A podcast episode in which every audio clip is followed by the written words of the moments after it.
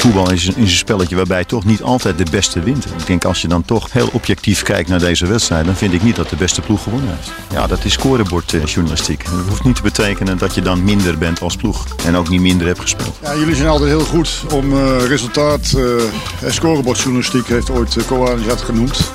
het gaat om de wijze waarop je voetbalt. Ja, dat is wel makkelijk scorebordjournalistiek om nu daar heel erg ja op te zeggen. Ja, dat is scorebordjournalistiek.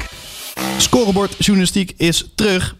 Normaal hoor je hier uh, Stef de Bond, nu uh, Sjoerd Keizer. Ik zal me even voorstellen. Je kan me misschien kennen van de, de clubpodcast van Feyenoord, Dik voor elkaar. Pak Schaal van Ajax. Of uh, de Skieten Willy podcast van PSV. En nu dus scorebordjournalistiek. We gaan een VI Pro artikel bespreken over Lorenzo Ebesilio. En dat doen we met de schrijver van het stuk, Dave Albers. Welkom Dave. Hey, goedemiddag. We gaan uh, het verhaal achter het verhaal zoeken. Zoals Scorebord Journalistiek altijd doet. Maar dan eventjes met uh, twee andere stemmen. Jij schrijft altijd typische D-verhalen. Tenminste, dat zeggen mensen op de redactie altijd. Zou je dat even kunnen uitleggen? Moeilijk om uh, zelf uit te leggen. Maar ik hou van voetballers met een bijzonder verhaal. Jongens met een rafelrandje. Jongens die wat meemaken. Ik ben niet vaak in de mixzone of zo te vinden ik vind het veel interessanter als een voetballer uh, in Japan heeft gespeeld of iets anders geks heeft meegemaakt. En waarom ben je niet in de mixzone? Vind je dat ja. uh, te, te, kort om iemand te doorgronden? Of, uh... Ja, er zijn niet echt hele bijzondere verhalen te halen. Je hebt maar kort met een speler. En ja, weet je, op, ja, ik, vind, ik vind zelf ook Frenkie de Jong super mooi om naar te kijken als, als voetballer. Maar een verhaal van een jongen als Lorenzo Ebesilio of zo vind ik veel interessanter. Ja, daar gaan we het ook uh, meteen over hebben. Lorenzo Ebesilio. Ja. Een uh, achtbaanrit. Staat in de kop van het uh, VI Pro-artikel van jou. Die overigens volgens mij goed gelezen is. Maar we gaan meteen beginnen met promoten. Want als je hem nog niet gelezen hebt en je luistert dit... Nou, luister vooral deze podcast af. Maar ga ook naar vi.nl slash pro en zoek even het verhaal met Lorenzo Ebesilio op. Staat ook in de show notes. Maar neem vooral ook een abonnement op Pro als je dat nog niet hebt. Dan hebben we dit al uh, alvast gedaan. Gaan we net op het einde nog eventjes doen. Hij is uh, tijdens de kerst uh, online gekomen. Dus het kan ook goed zijn dat mensen hem gemist hebben tijdens de, de diners. Precies. Waarom wilde jij Lorenzo Ebesilio graag spreken? Want ik heb me laten vertellen dat je best lang daarover hebt gedaan om hem echt te pak te krijgen. Ja, ik denk, uh, ik werkte hiervoor bij uh, Vice en daar zaten we ook al uh, lang achter hem aan. Dus ik denk dat ik al drie jaar hem bestookt met berichtjes of hij een interview wil doen. Want ja, hij heeft in mijn ogen een van de meest fascinerende verhalen van de, van de Nederlandse voetballers. Ja, en waar, hoe reageert hij dan? Of reageert hij gewoon helemaal niet? Uh, in eerste instantie jaren helemaal niet. En uh, van de zomer uh, kreeg ik eindelijk een keer een reactie. Toen vertelde hij dat hij graag wilde meewerken. Toen, toen, hebben we s'avonds even gebeld en toen heeft hij zijn situatie uitgelegd. Hier, toen zei hij ook dat hij super erg was aangekomen, dat het niet zo goed met hem ging. toen zouden we die volgende week afspreken. Maar dat ging, toen hoorde ik weer niks van hem. daar heeft hij later ook zijn excuses voor aangeboden en we hebben ook de verklaring is in het verhaal te lezen. Uh, maar vervolgens heb ik het uh, toen hij in uh, opdook in Cyprus bij een tweede divisie club. Toen heb ik hem een berichtje gestuurd van gefeliciteerd, wil je meewerken? En toen, toen heeft hij zijn verhaal gedaan. En meteen all out, denk ik. Ja, want ik zie, uh, ik heb dan ook de Instagram van Voetbal International, doe vaak voor de social media dingen. En dan zie ik af en toe uh, DM'tjes voorbij komen met uh, voetballers. meestal ben jij dat, hè? Je, je benadert ze meestal via het VI-account en dan ga je verder. Ja, dat is tegenwoordig wel een van de makkelijkste manieren om voetballers te bereiken. Ook grote voetballers, gek genoeg. ja, want dan reageren ze gewoon. Dat vind ik toch bijzonder. Want als ik een DM krijg of zo, ik heb, ja, als ik een appje of gebeld word, dan reageer ik eerder. Ja, misschien uh, vinden voetballers het toch iets afstandelijk en daardoor iets veiliger uh, om dan uh, te reageren. Maar bijvoorbeeld een Salomon Kalou, die toch de Champions League met, met Chelsea heeft gewonnen in 2012, als ik het goed heb. Die, die reageert ook via Instagram, dus het, het werkt. Best een kippenboerderij, hè? Ja, ja, dat was een ander verhaal dat ik onlangs heb gemaakt. dat een Nederlander op een beurs in Abu Dhabi erachter kwam dat uh, Kalou tegenwoordig kippenboer is. Ja. Dus dat zijn meer verhalen die, die ik leuk vind. Dat vind ik echt tof om te lezen dat, zelf dat, Ja, dat is ook echt een D-verhaal. Precies. Zo, zo gaat het over redactie heen. Ja. In ieder geval. Ja, het, het, het hoeft niet altijd. Dus daar gaat het ook bijna niet over, over zijn fijne tijd. Maar gaat het gewoon over zijn hele nieuwe leven. Hoe die dan op een kippenbeurs in Abu Dhabi terechtkomt. Ja, dat vind ik, dat vind ik een veel mooier beeld. Ja, tuurlijk heb ik ook genoten van zo'n wedstrijd in de Kuip. Maar ja, als je daar achter komt, dan, dan, dan vind ik dat gewoon heel leuk om uh, daar dieper in te duiken. Ja, nog een reden dus om uh, VE Pro te nemen. We gaan bij uh, Ebesilio het even chronologisch proberen door te nemen. En ja, dat is al sowieso een opgave, want je moet heel veel overslaan. Wil je niet een podcast van drie uur maken? Ja. Maar we beginnen toen uh, hij, uh, ja, Lorenzo was uh, 14 en zat in een stoel op een bijzondere plek. Waar was hij en wat gebeurde er? Ja, hij was in een tandartspraktijk in Hoorn. Dus hij was 14 jaar, jeugdspeler van AZ. En hij lag daar gewoon in die stoel en het was gewoon dagelijks controle. De tandarts zat met allerlei uh, ijzeren apparaatjes in zijn mond, zoals dat gewoon gaat. en op een gegeven moment ligt hij daar leven, levenloos in die stoel. Dus die tandarts die schrikt zich levenloos. En hij was daar samen met zijn oom, Roland Aalberg. Wat ook weer een bijzonder verhaal is. Want die is Ex-Roda, toch? Ja, ja. tegenwoordig MVV. dat is zijn oom. Dus ik geloof dat de zus van Roland Aalberg... dat is de moeder van Ebesilio. Oké, okay, wow. ja. Maar er zit maar één jaar verschil tussen Aalberg en uh, Ebesilio. Maar goed, hij, hij kreeg een uh, hartaanval en die tandarts en uh, Aalberg hebben hem gereanimeerd. En dat overleefde hij uiteindelijk. Maar, en ze hebben een inwendige defibrillator bij hem ingebouwd. Zijn carrière moest nog beginnen. Hij is ook geloof ik weggestuurd bij AZ. Dus, want artsen die hadden eigenlijk zoiets van... deze jongen gaat, gaat nooit meer profvoetballer worden. Ja, misschien ook gewoon niet verstandig. Weet je wel? Ik, ik snap dat wel als je op zo'n jonge leeftijd al hartaanval krijgt. Ja, zeker. Maar ja, het is ook heel, ja, heel moeilijk voor zo'n jongen die altijd die droom heeft gehad om dat dan uh, los te laten. En hij uh, kon dat uh, klaarblijkelijk echt niet. kwam vervolgens bij Ajax terecht. Ja. En daar heeft hij zijn doorbraak beleefd. Heb je hem nog gesproken over die tijd of niet? Of vond hij dat moeilijk om het over te hebben? Oh, Toen... nou ja, daar kan hij op zich. ja, hij heeft het wel vaker verteld. Dus het is niet een groot deel uit het uit het verhaal. Maar hij vertelde wel dat sindsdien dat hij wel anders is gaan denken over het leven en zoiets, zoiets heeft van ik moet wel echt genieten van de dingen die ik doe. Ja, precies. En dat heeft hij op een paar plekken in zijn carrière volgens mij goed gedaan. Ja, dat heeft hij uh, behoorlijk waargemaakt. Ja.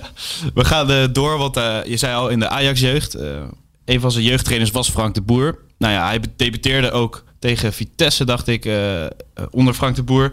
Speelde bijna, bijna alles eigenlijk. Uh, het ging hem voor de wind. Hij was dus een jeugdspeler ja, die vrij snel doorbrak. Drie goals maakte volgens mij. Um, en uiteindelijk dat tweede seizoen ging het wat minder. Hij kreeg te maken met Dirk Boerrichter. Ja, Dirk Boerrichter. Ik geloof dat hij uh, tegenwoordig uh, iets in de baby spullen doet. Maar dat, uh, dat terzijde. Maar in ieder geval ja, ook niet uh, Ajax beste buitenspeler. Maar dat zegt genoeg eigenlijk over die tijd, denk ik, uh, onder Frank de Boer. Het was nooit echt een heel... Uh, nou ja, kleurrijk was Ebesilio wel, maar dat elftal verder was niet top, zeg maar. Nee. Ik heb een fragmentje over Boerrichter van Ebesilio. Even gaan we even naar luisteren. Nou, ik ken Dirk nu al inmiddels al wat langer. Het is gewoon een goede, toffe gozer.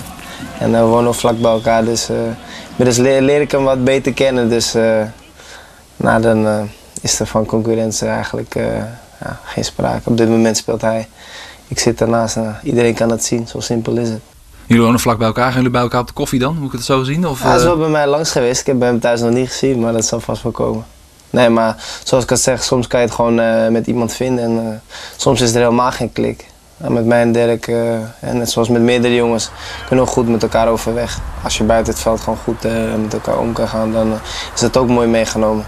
Ik denk dat als je bij elkaar in een team speelt en uh, misschien 1, 2, 3 seizoenen met elkaar moet spelen, dat je elkaar uh, ja, op een of andere manier toch al probeert te steunen. En net, net wat ik zeg, de beste speelt. Dus dat moet je ook als prof moet je dat beseffen. Ja, het was een beetje het begin van het einde eigenlijk van Ebesilio, zonder dat hij door had. Mooi dat Amsterdamse Accent ook trouwens. Ja, ja, uit Hoorn. Dus redelijk uh, buurtje. ja, precies.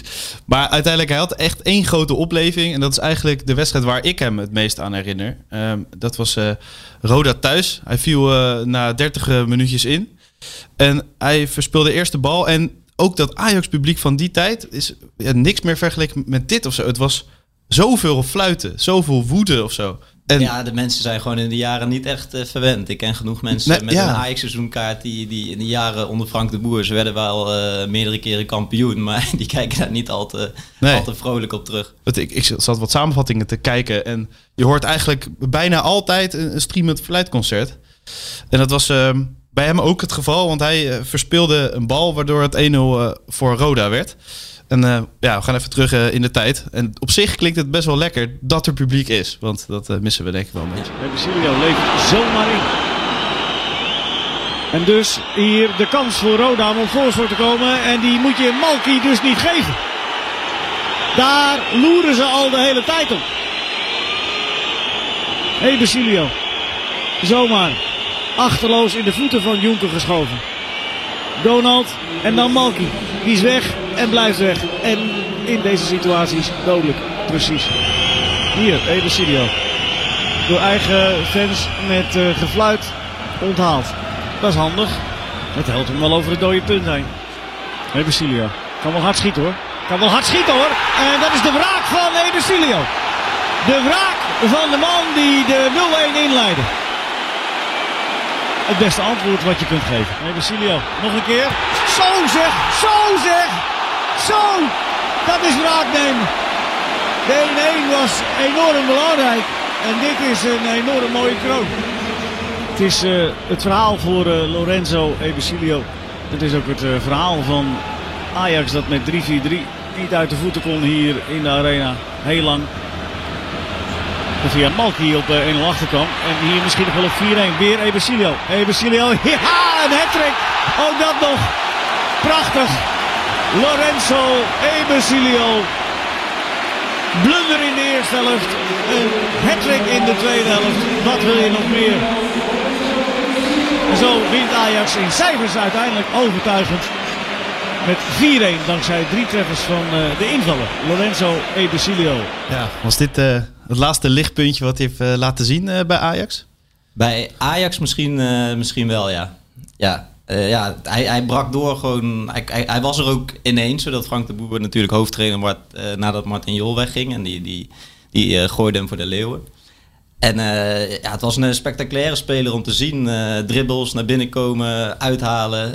ja, eigenlijk een jongen waarvan je altijd het idee hebt dat hij ook super zelfverzekerd is, zodat hij die acties opzoekt. Maar hij vertelde ook dat hij er best wel veel moeite mee had. Dat ineens al die ogen op hem gericht waren. En dat hij eigenlijk maar misschien op 80% van zijn kunnen kon presteren. Of misschien wel wilde presteren. Omdat hij ook bang was om te falen eigenlijk al in die tijd. Terwijl je juist bij dat soort spelers denkt van ja... Die zijn zelfverdekend en, zoeken de verdediger op. Maar dat was dus helemaal niet het geval bij hem. Want die goals tegen Rode ook. Volgens mij was dat die tweede of vierde lat die echt, echt binnen slaat, zeg maar. Zo herinner ik hem gewoon. Dat je echt denkt van, dit wordt zo grote. Die gaat echt voor 30, 40 miljoen eh, de deur uit of zo. Maar eh, ja, ja, daar, daar werken, bleef we, achter. Daar werken we met de voetbaljournalisten ook altijd wel ja, mee als zo'n zo jonge gast. dat roepen we dan meteen ook, hè? Ja, ja hetzelfde is bijvoorbeeld uh, uh, van Cabral ooit bij Feyenoord. Die, die kwam ook een paar keer naar binnen, schoot een paar ballen in de kruising. Ook tegen Roda trouwens. Ja, ja, dat, dat, dat, dat soort jongens, het, ziet er gewoon snel spectaculair uit. Dus als je dan een paar goals maakt, denk je meteen van wow, deze jongen is, is heel speciaal. Maar we moeten gewoon incalculeren dat er bij dat soort spelers ook veel fout gaat. Ja, ja als ze dat iedere wedstrijd kunnen doen, dan... Dan komen ze bij Barcelona. Hoe was hij in zijn Ajax-tijd? Uh, ging hij veel stappen? Of uh, was hij juist uh, heel erg met het voetbal bezig? Nee, hij gaf nu ook zelf wel toe dat hij in die tijd regelmatig ging stappen en totaal niet als een prof leefde. Ik geloof voor het kampioensduel 15 mei 2011 tegen, tegen FC Twente ging hij bijvoorbeeld naar een kickbox-gala in, in Hoorn, waar toen een massale vechtpartij uitbrak. Dus dat is niet, uh, niet echt de ideale wedstrijdvoorbereiding. Dat zegt denk ik wel alles hoe hij toen leefde. Maar goed, het is ook, uh, je bent een jongen van 18, uh, je ja, breekt door en een week later, weet ik veel, speel, je, speel, je, speel je Champions League.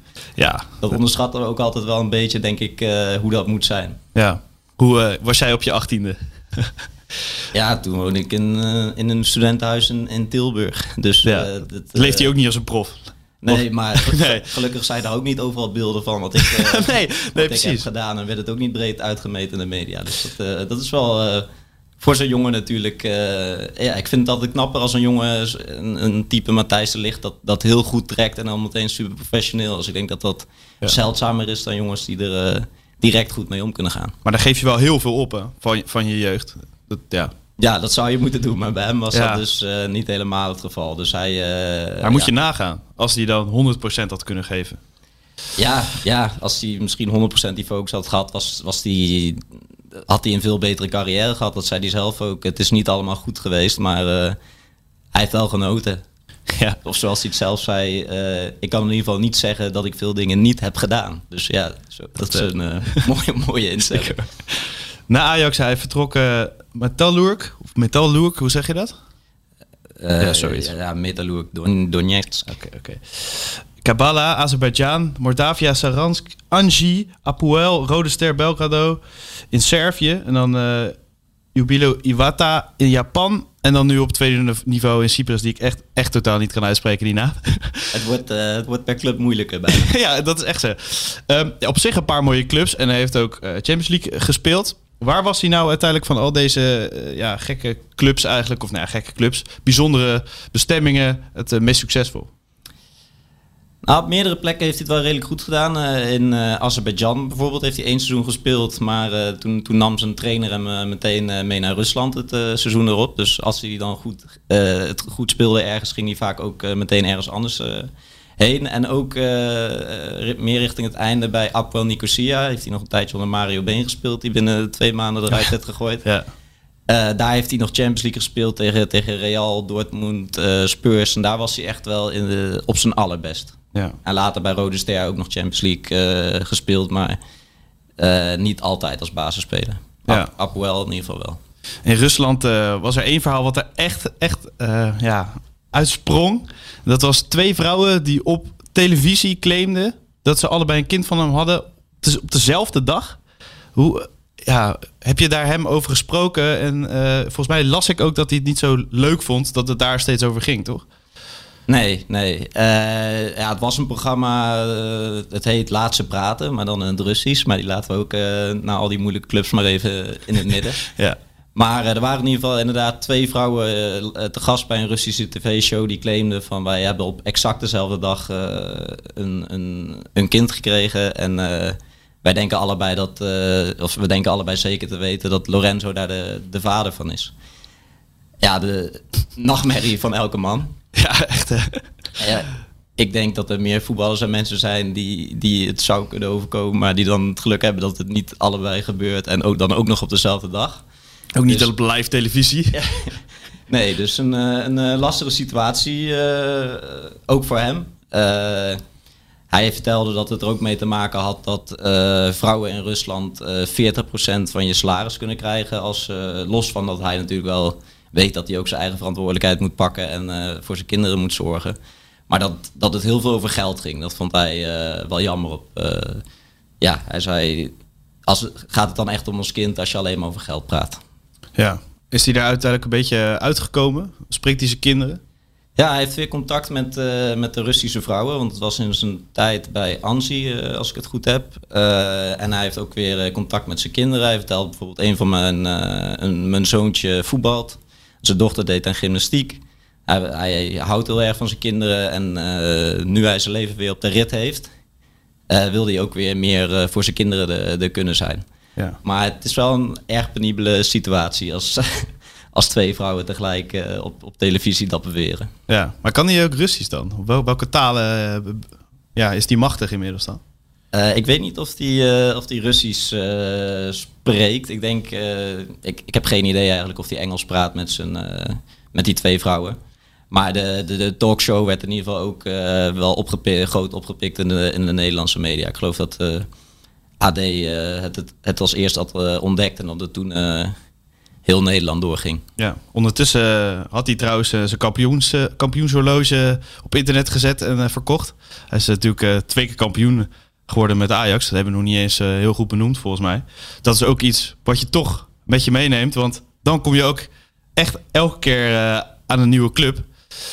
Alleen op een gegeven moment, hij brak zijn brak scheenbeen op, op gruwelijke wijze. Dat je denkt, kan er ook nog wel bij. Ja, Hoe, hoe is dat eh, Ja, gegaan? eerst dat uh, kampioenshorloge was toen hij net bij Ajax was vertrokken. Toen speelde hij in Oekraïne en toen dook ineens dat, uh, dat horloge op op het internet waar gewoon zijn naam in staat gegraveerd. En dus het was eigenlijk vrij snel na het kampioenschap? Ja. Oké, ja, ja. ja. dus hij had net ook een financieel goede transfer naar, naar Oekraïne gemaakt. Dus voor het geld hoefde hij het niet echt te doen. Maar hij had zoiets van, ja, als ik er nu wat extra geld voor kan krijgen. Hij zag daar toen, toen hij jong was, de waarde niet van in. Hij zegt nu ook stom dat ik dat heb gedaan. Maar ja.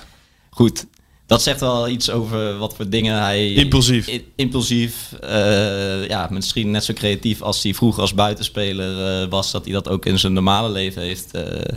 Neemt denk ik snelle beslissingen.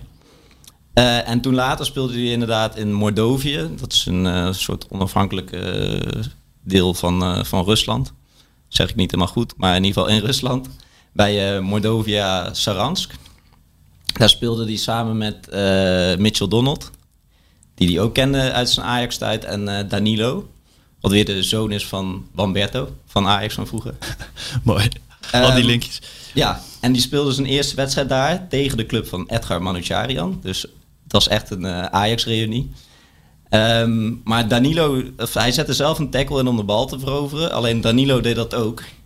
Waardoor de tegenstander met zijn knie op de scheen van Ebesilio uh, belandde. En die Ja. ging meteen uh, dwars door midden, zeg maar. Ondanks uh, scheenbeschermers en uh, gewoon dwars Ja. er doorheen. Gewoon pure pech. Gewoon zijn been gestrekt en, uh, en, en die knie erop. En uh, toen uh, ging hij kapot van de pijn. Ja. Hij vertelde nog, Mitchell Donald had de ernst in eerste instantie helemaal niet uh, door. Die riep nog uh, opstaan, opstaan, je bent toch sterk, je bent toch sterk. Maar uh, hij had zelf al door van, uh, dit is wel goed mis. Ja, en toen is hij volgens mij gewoon, ondanks dat het niet mag, gewoon in, in het vliegtuig teruggegaan. Hè? Ja, want als Hoe, je... hoe besluit je dat? Dat je denkt, ja nee, ik ga maar gewoon meteen terug. Ja, hij wilde zich gewoon niet in uh, Rusland laten opereren. Hij wilde zich gewoon in Nederland laten opereren, zodat het allemaal uh, goed zou gebeuren. Maar uh, je mag natuurlijk niet vliegen met een gebroken been, want het gaat opzetten en dat ja, gaat gigantisch veel pijn doen. Dat heeft hij ook ondervonden, want hij is van Mordovië naar Moskou gevlogen en van Moskou door naar Amsterdam. Maar ja, gigantisch veel pijn. hij had het geluk dat hij nog in de business class plat mocht gaan liggen. Ja. Maar hij had zo'n uh, spray mee die je wel eens ziet uh, als een... Uh, de magic spray. Ja, als een voetballer Iemand kan last... niet meer lopen, spray eroverheen, iemand kan weer lopen. Ja. ja. volgens mij wordt dat gewoon ijskoud en dat stopt de Mm. pijn even. Die had hij meegenomen, dus hij zat in zijn eentje in dat vliegtuig plat onderuit in de business class te sprayen om die pijn maar weg te krijgen. Ik zat maar, dat te lezen, ik zag dat beeld voor me. Het is toch te bizar voor woorden eigenlijk. Ja. Maar, ja. Maar uiteindelijk, hij heeft uh, twee hele pijnlijke vluchten gehad. Maar hij kon in uh, Nederland wel uh, direct onder het mes. Is ook goed gebeurd. En ik geloof dat hij acht maanden later ook alweer een wedstrijd speelde. En gek genoeg ook niet heel lang nodig had om weer zijn vorm te vinden. Want hij speelde het seizoen uit, deed het goed. En eh, FC Anzi haalde hem meteen daarna. Ja, dat was wel. Het, het was niet meer de tijd van Guus Hiddink en uh, Samuel Eto'o, volgens mij. Nee, uh, nee, nee. Dat, dat niet meer. Het miljardairstijdperk uh, was voorbij. Ja. Je, je, kon er waarschijnlijk nog steeds wel goed verdienen, maar het was niet de tijd inderdaad van Eto'o en Boussoufa. Nee. Ja, ik, ik wist dat er een soort gat in zijn carrière zat. Um, maar ik, ik dacht dat dat dan hier zou liggen. Weet je wel? Als je zo'n enorme blessure hebt, dat je dan misschien in een soort gat terechtkomt. Dat je dan de moeite mee heeft. Maar hij had toen dus wel echt die kracht om, om terug te komen. Toen heeft hij echt de kracht en de drive gehad om uh, snel terug te komen. Ja, want uh, ja, ik ken wel meer mensen met een gebroken scheenbeen. Dat kan ook veel langer uh, duren. En, en, hij zei zelf, ik vond het nog lang duren, zeg maar. Maar acht maanden dan weer, weer gewoon wedstrijden voetballen is wel vrij ja. rap. En na Mario Been dus is hij echt opgebloeid bij Apoel. Ja. V veel Champions League gespeeld. Uiteindelijk gaat het dan mis in Japan, hè? Want in 2019, in december, speelde hij opeens de laatste wedstrijd voor, voor twee jaar. Ja. Um, ja, kan je een klein stukje van, van de aanloop en zeg maar na die wedstrijd uh, vertellen? Ja, hij, vond, uh, hij vertelde het leven in Japan uh, was geweldig. Uh, hij keek zijn ogen uit, begon met zijn presentatie dat hij een restaurant in ging en dat hij zijn schoenen moest uitdoen om, om bij het diner te zitten. Dus hij, hij, hij, hij, hij viel van de, van de ene verbazing in de, in de, in de andere in Japan. Uh, het leven vond hij dus top. Alleen uh, voetballend uh, verloor hij daar voor het eerst echt het plezier. Ehm, hij gaf zelf aan, de, de mensen daar hadden wat moeite met zijn directheid. Je hoorde hem net ook al in die video. Het is inderdaad een beetje... Ja. ja, het, is gewoon, het is gewoon helder, duidelijk. Dus hij schreeuwde ook naar de jongens daar. En in Japan is het allemaal erg bescheiden en respectvol. Dus daar moesten ze niet zoveel van hebben. Toen kreeg hij op een gegeven moment nog ruzie met een Paraguayaanse trainer daar. En toen moest hij apart trainen. En wat vaak gebeurt als je een beetje in Japan is dan niet per se een schimmig land, maar je ziet het ook vaak in het Oostblok als je je onmogelijk hebt gemaakt. Rondjes lopen. Rondjes lopen, apart trainen, beginnen de pesterijtjes. Dus hij moest iedere dag om zes uur s ochtends trainen. Nou, tegenwoordig uh, staat, hij niet meer zo, staat hij niet zo vaak om zes uur op. Want meestal zegt hij uh, bel, bel na, na tien uur, want dan ben ik pas wakker. Maar uh, toen moest hij dus iedere dag om zes uur. Dat heeft hij ongeveer drie weken lang trouw gedaan. Totdat hij zich op een, op een dag een keer versliep.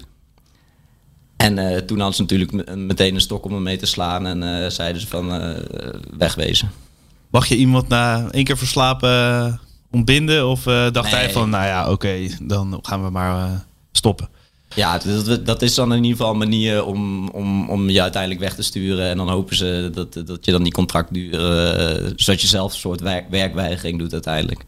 Maar hij kreeg gek genoeg, ondanks dat hij eigenlijk uh, weg was en uh, straftreding uh, had, kreeg hij uiteindelijk nog één wedstrijd. Aan het eind van het seizoen mocht hij ineens weer meedoen. Dus hij had echt acht wedstrijden helemaal niet bij de selectie gezeten. En toen mocht hij ineens opdraven tegen Vissel Kopen. Daar speelde op dat moment Lucas Podolski. Die maakte er ook drie. En en David Villa, die nam die wedstrijd afscheid van het publiek daar. En die, die ging, is hij toen gestopt of naar een volgende club? Dat heb ik even niet paraat. Is hij gestopt daar? Denk maar, het wel. Ja. ja, en dan denkt uh, nou ja, dan stop ik er zelf ook maar mee. Of is dat gewoon iets van uitstellen om weer te beginnen, uitstellen, uitstellen. En dan op een gegeven moment komt van uitstel afstel? Nee, ja, hij, hij had op het moment dat hij daar op het veld rondliep nog niet het idee dat hij de komende twee jaar geen... Uh, want dit was december 2019 die wedstrijd. Hij had niet het idee dat hij uh, dan twee jaar niet zou voetballen. Nee. Want hij zegt ook dat de problemen die daarna zijn gekomen, dat dat losstaat van het voetbal. Hij verloor in Japan wel het plezier, dus misschien dat het een kleine invloed heeft. Maar de reden dat het is misgegaan ligt in de privésfeer, waar hij niet, niet al te veel over wil loslaten. Maar dat is echt de reden waardoor het, het, is misgegaan. Had hij toen in het veld nog de hoop van, oh, ik mag weer spelen. Misschien zit er nog wel een toekomst in Japan in? Of, nou, ik denk dat hij er toen wel zodanig klaar mee was dat hij zelf ook wel weg wilde. Ja, zijn contract loopt dus af of werd ontbonden. Um, vanaf dat moment, wat is er, wat is er toen gebeurd? Een paar, ja. paar privé dingen dus? Ja, dus december 2019 was die uh, wedstrijd. Dus uh, we weten allemaal wat er daarna een beetje in uh, Nederland en de wereld gebeurde. Ik geloof dat in, in maart het in Nederland helemaal losging met corona. Dus dat heeft waarschijnlijk ook niet meegewerkt. Maar hij is naar Nederland gegaan. ja, heeft, ja, heeft dus iets in de, in de familiesfeer gehad. wat, hij, ja, wat hij niet goed heeft getrokken en is in een zware depressie beland. Dus uh, in die periode heeft hij het voetbal helemaal links laten liggen. Uh, ging hij om met verkeerde vrienden, uh, dronk hij vaker. en is hij bijna 100 kilo geworden. Dus enorm aangekomen. Want ik denk dat hij 1,73 is ongeveer. Hij is niet al te lang. Dus ehm, ja, dat is wel heel triest. als je alleen maar denkt dat zo'n jongen een wild bruisend leven heeft ja, en dat kan door corona niet. En dan blijft er heel weinig over of zo uh, voor hem. Ja, ik, ik heb niet helemaal de, de vinger erop kunnen krijgen wat het nou dus is. Omdat hij het wel duidelijk aangaf van het is iets in de, in de familiesfeer. En uh, ik kan daar ook andere mensen mee schaden en dat, uh, dat doe ik niet. Maar waarschijnlijk heeft corona daar wel ook een, een rol in gehad. Dat alles ineens stil komt te staan. En ja, de achtbaanrit die dan uiteindelijk ontspoort. Ja, want die depressie en 100 kilo zijn, dat heeft wel met elkaar te maken, toch? Want hij ging op een gegeven moment eten om, om zich wat gelukkiger te voelen weer. Ja, ja precies. Hij, uh, ja, dat was het enige wat hem op dat moment uh, af en toe nog uh, gelukkig maakte. Dus dan heb je het over eten en af en toe, af en toe drinken ook. En ja, het, het, ging gewoon niet goed met hem. dus ja, heel, heel pijnlijk uh, voor hem ook. Ja, je bent jaren prof geweest, jaren uh, wedstrijden gespeeld voor veel publiek. En uh, ineens zak je helemaal af en, en kun je niet meer de motivatie vinden om weer aan de bak te gaan. Ja, Want hij heeft ook, dat vond ik ook heel tragisch. Dat, ik heb ook een stukje van jullie eh, gesprek eh, gehoord. Dat hij zegt dat ik in de spiegel keek en dacht van... Jezus, wat ben, jij, wat ben jij dik. Ja, ja. En dat, ja, hoe, hoe ga je daar, daar dan weer uitkomen? Maar uiteindelijk is hij daar wel, wel echt uitgekomen. Dus hij heeft wel echt karakter getoond, toch? eh, in- ja, in zijn ja, leven. Het heeft wel echt eh, dus, eh, iets van anderhalf jaar geduurd. Dus toen ik hem afgelopen zomer even kort aan de telefoon had, ja, toen zat hij er eigenlijk, dacht hij er even uit te komen. Want hij legt ook uit dan, hij ging dan trainen bij Iwan Redan in Rotterdam, een personal trainer, oud voetballer.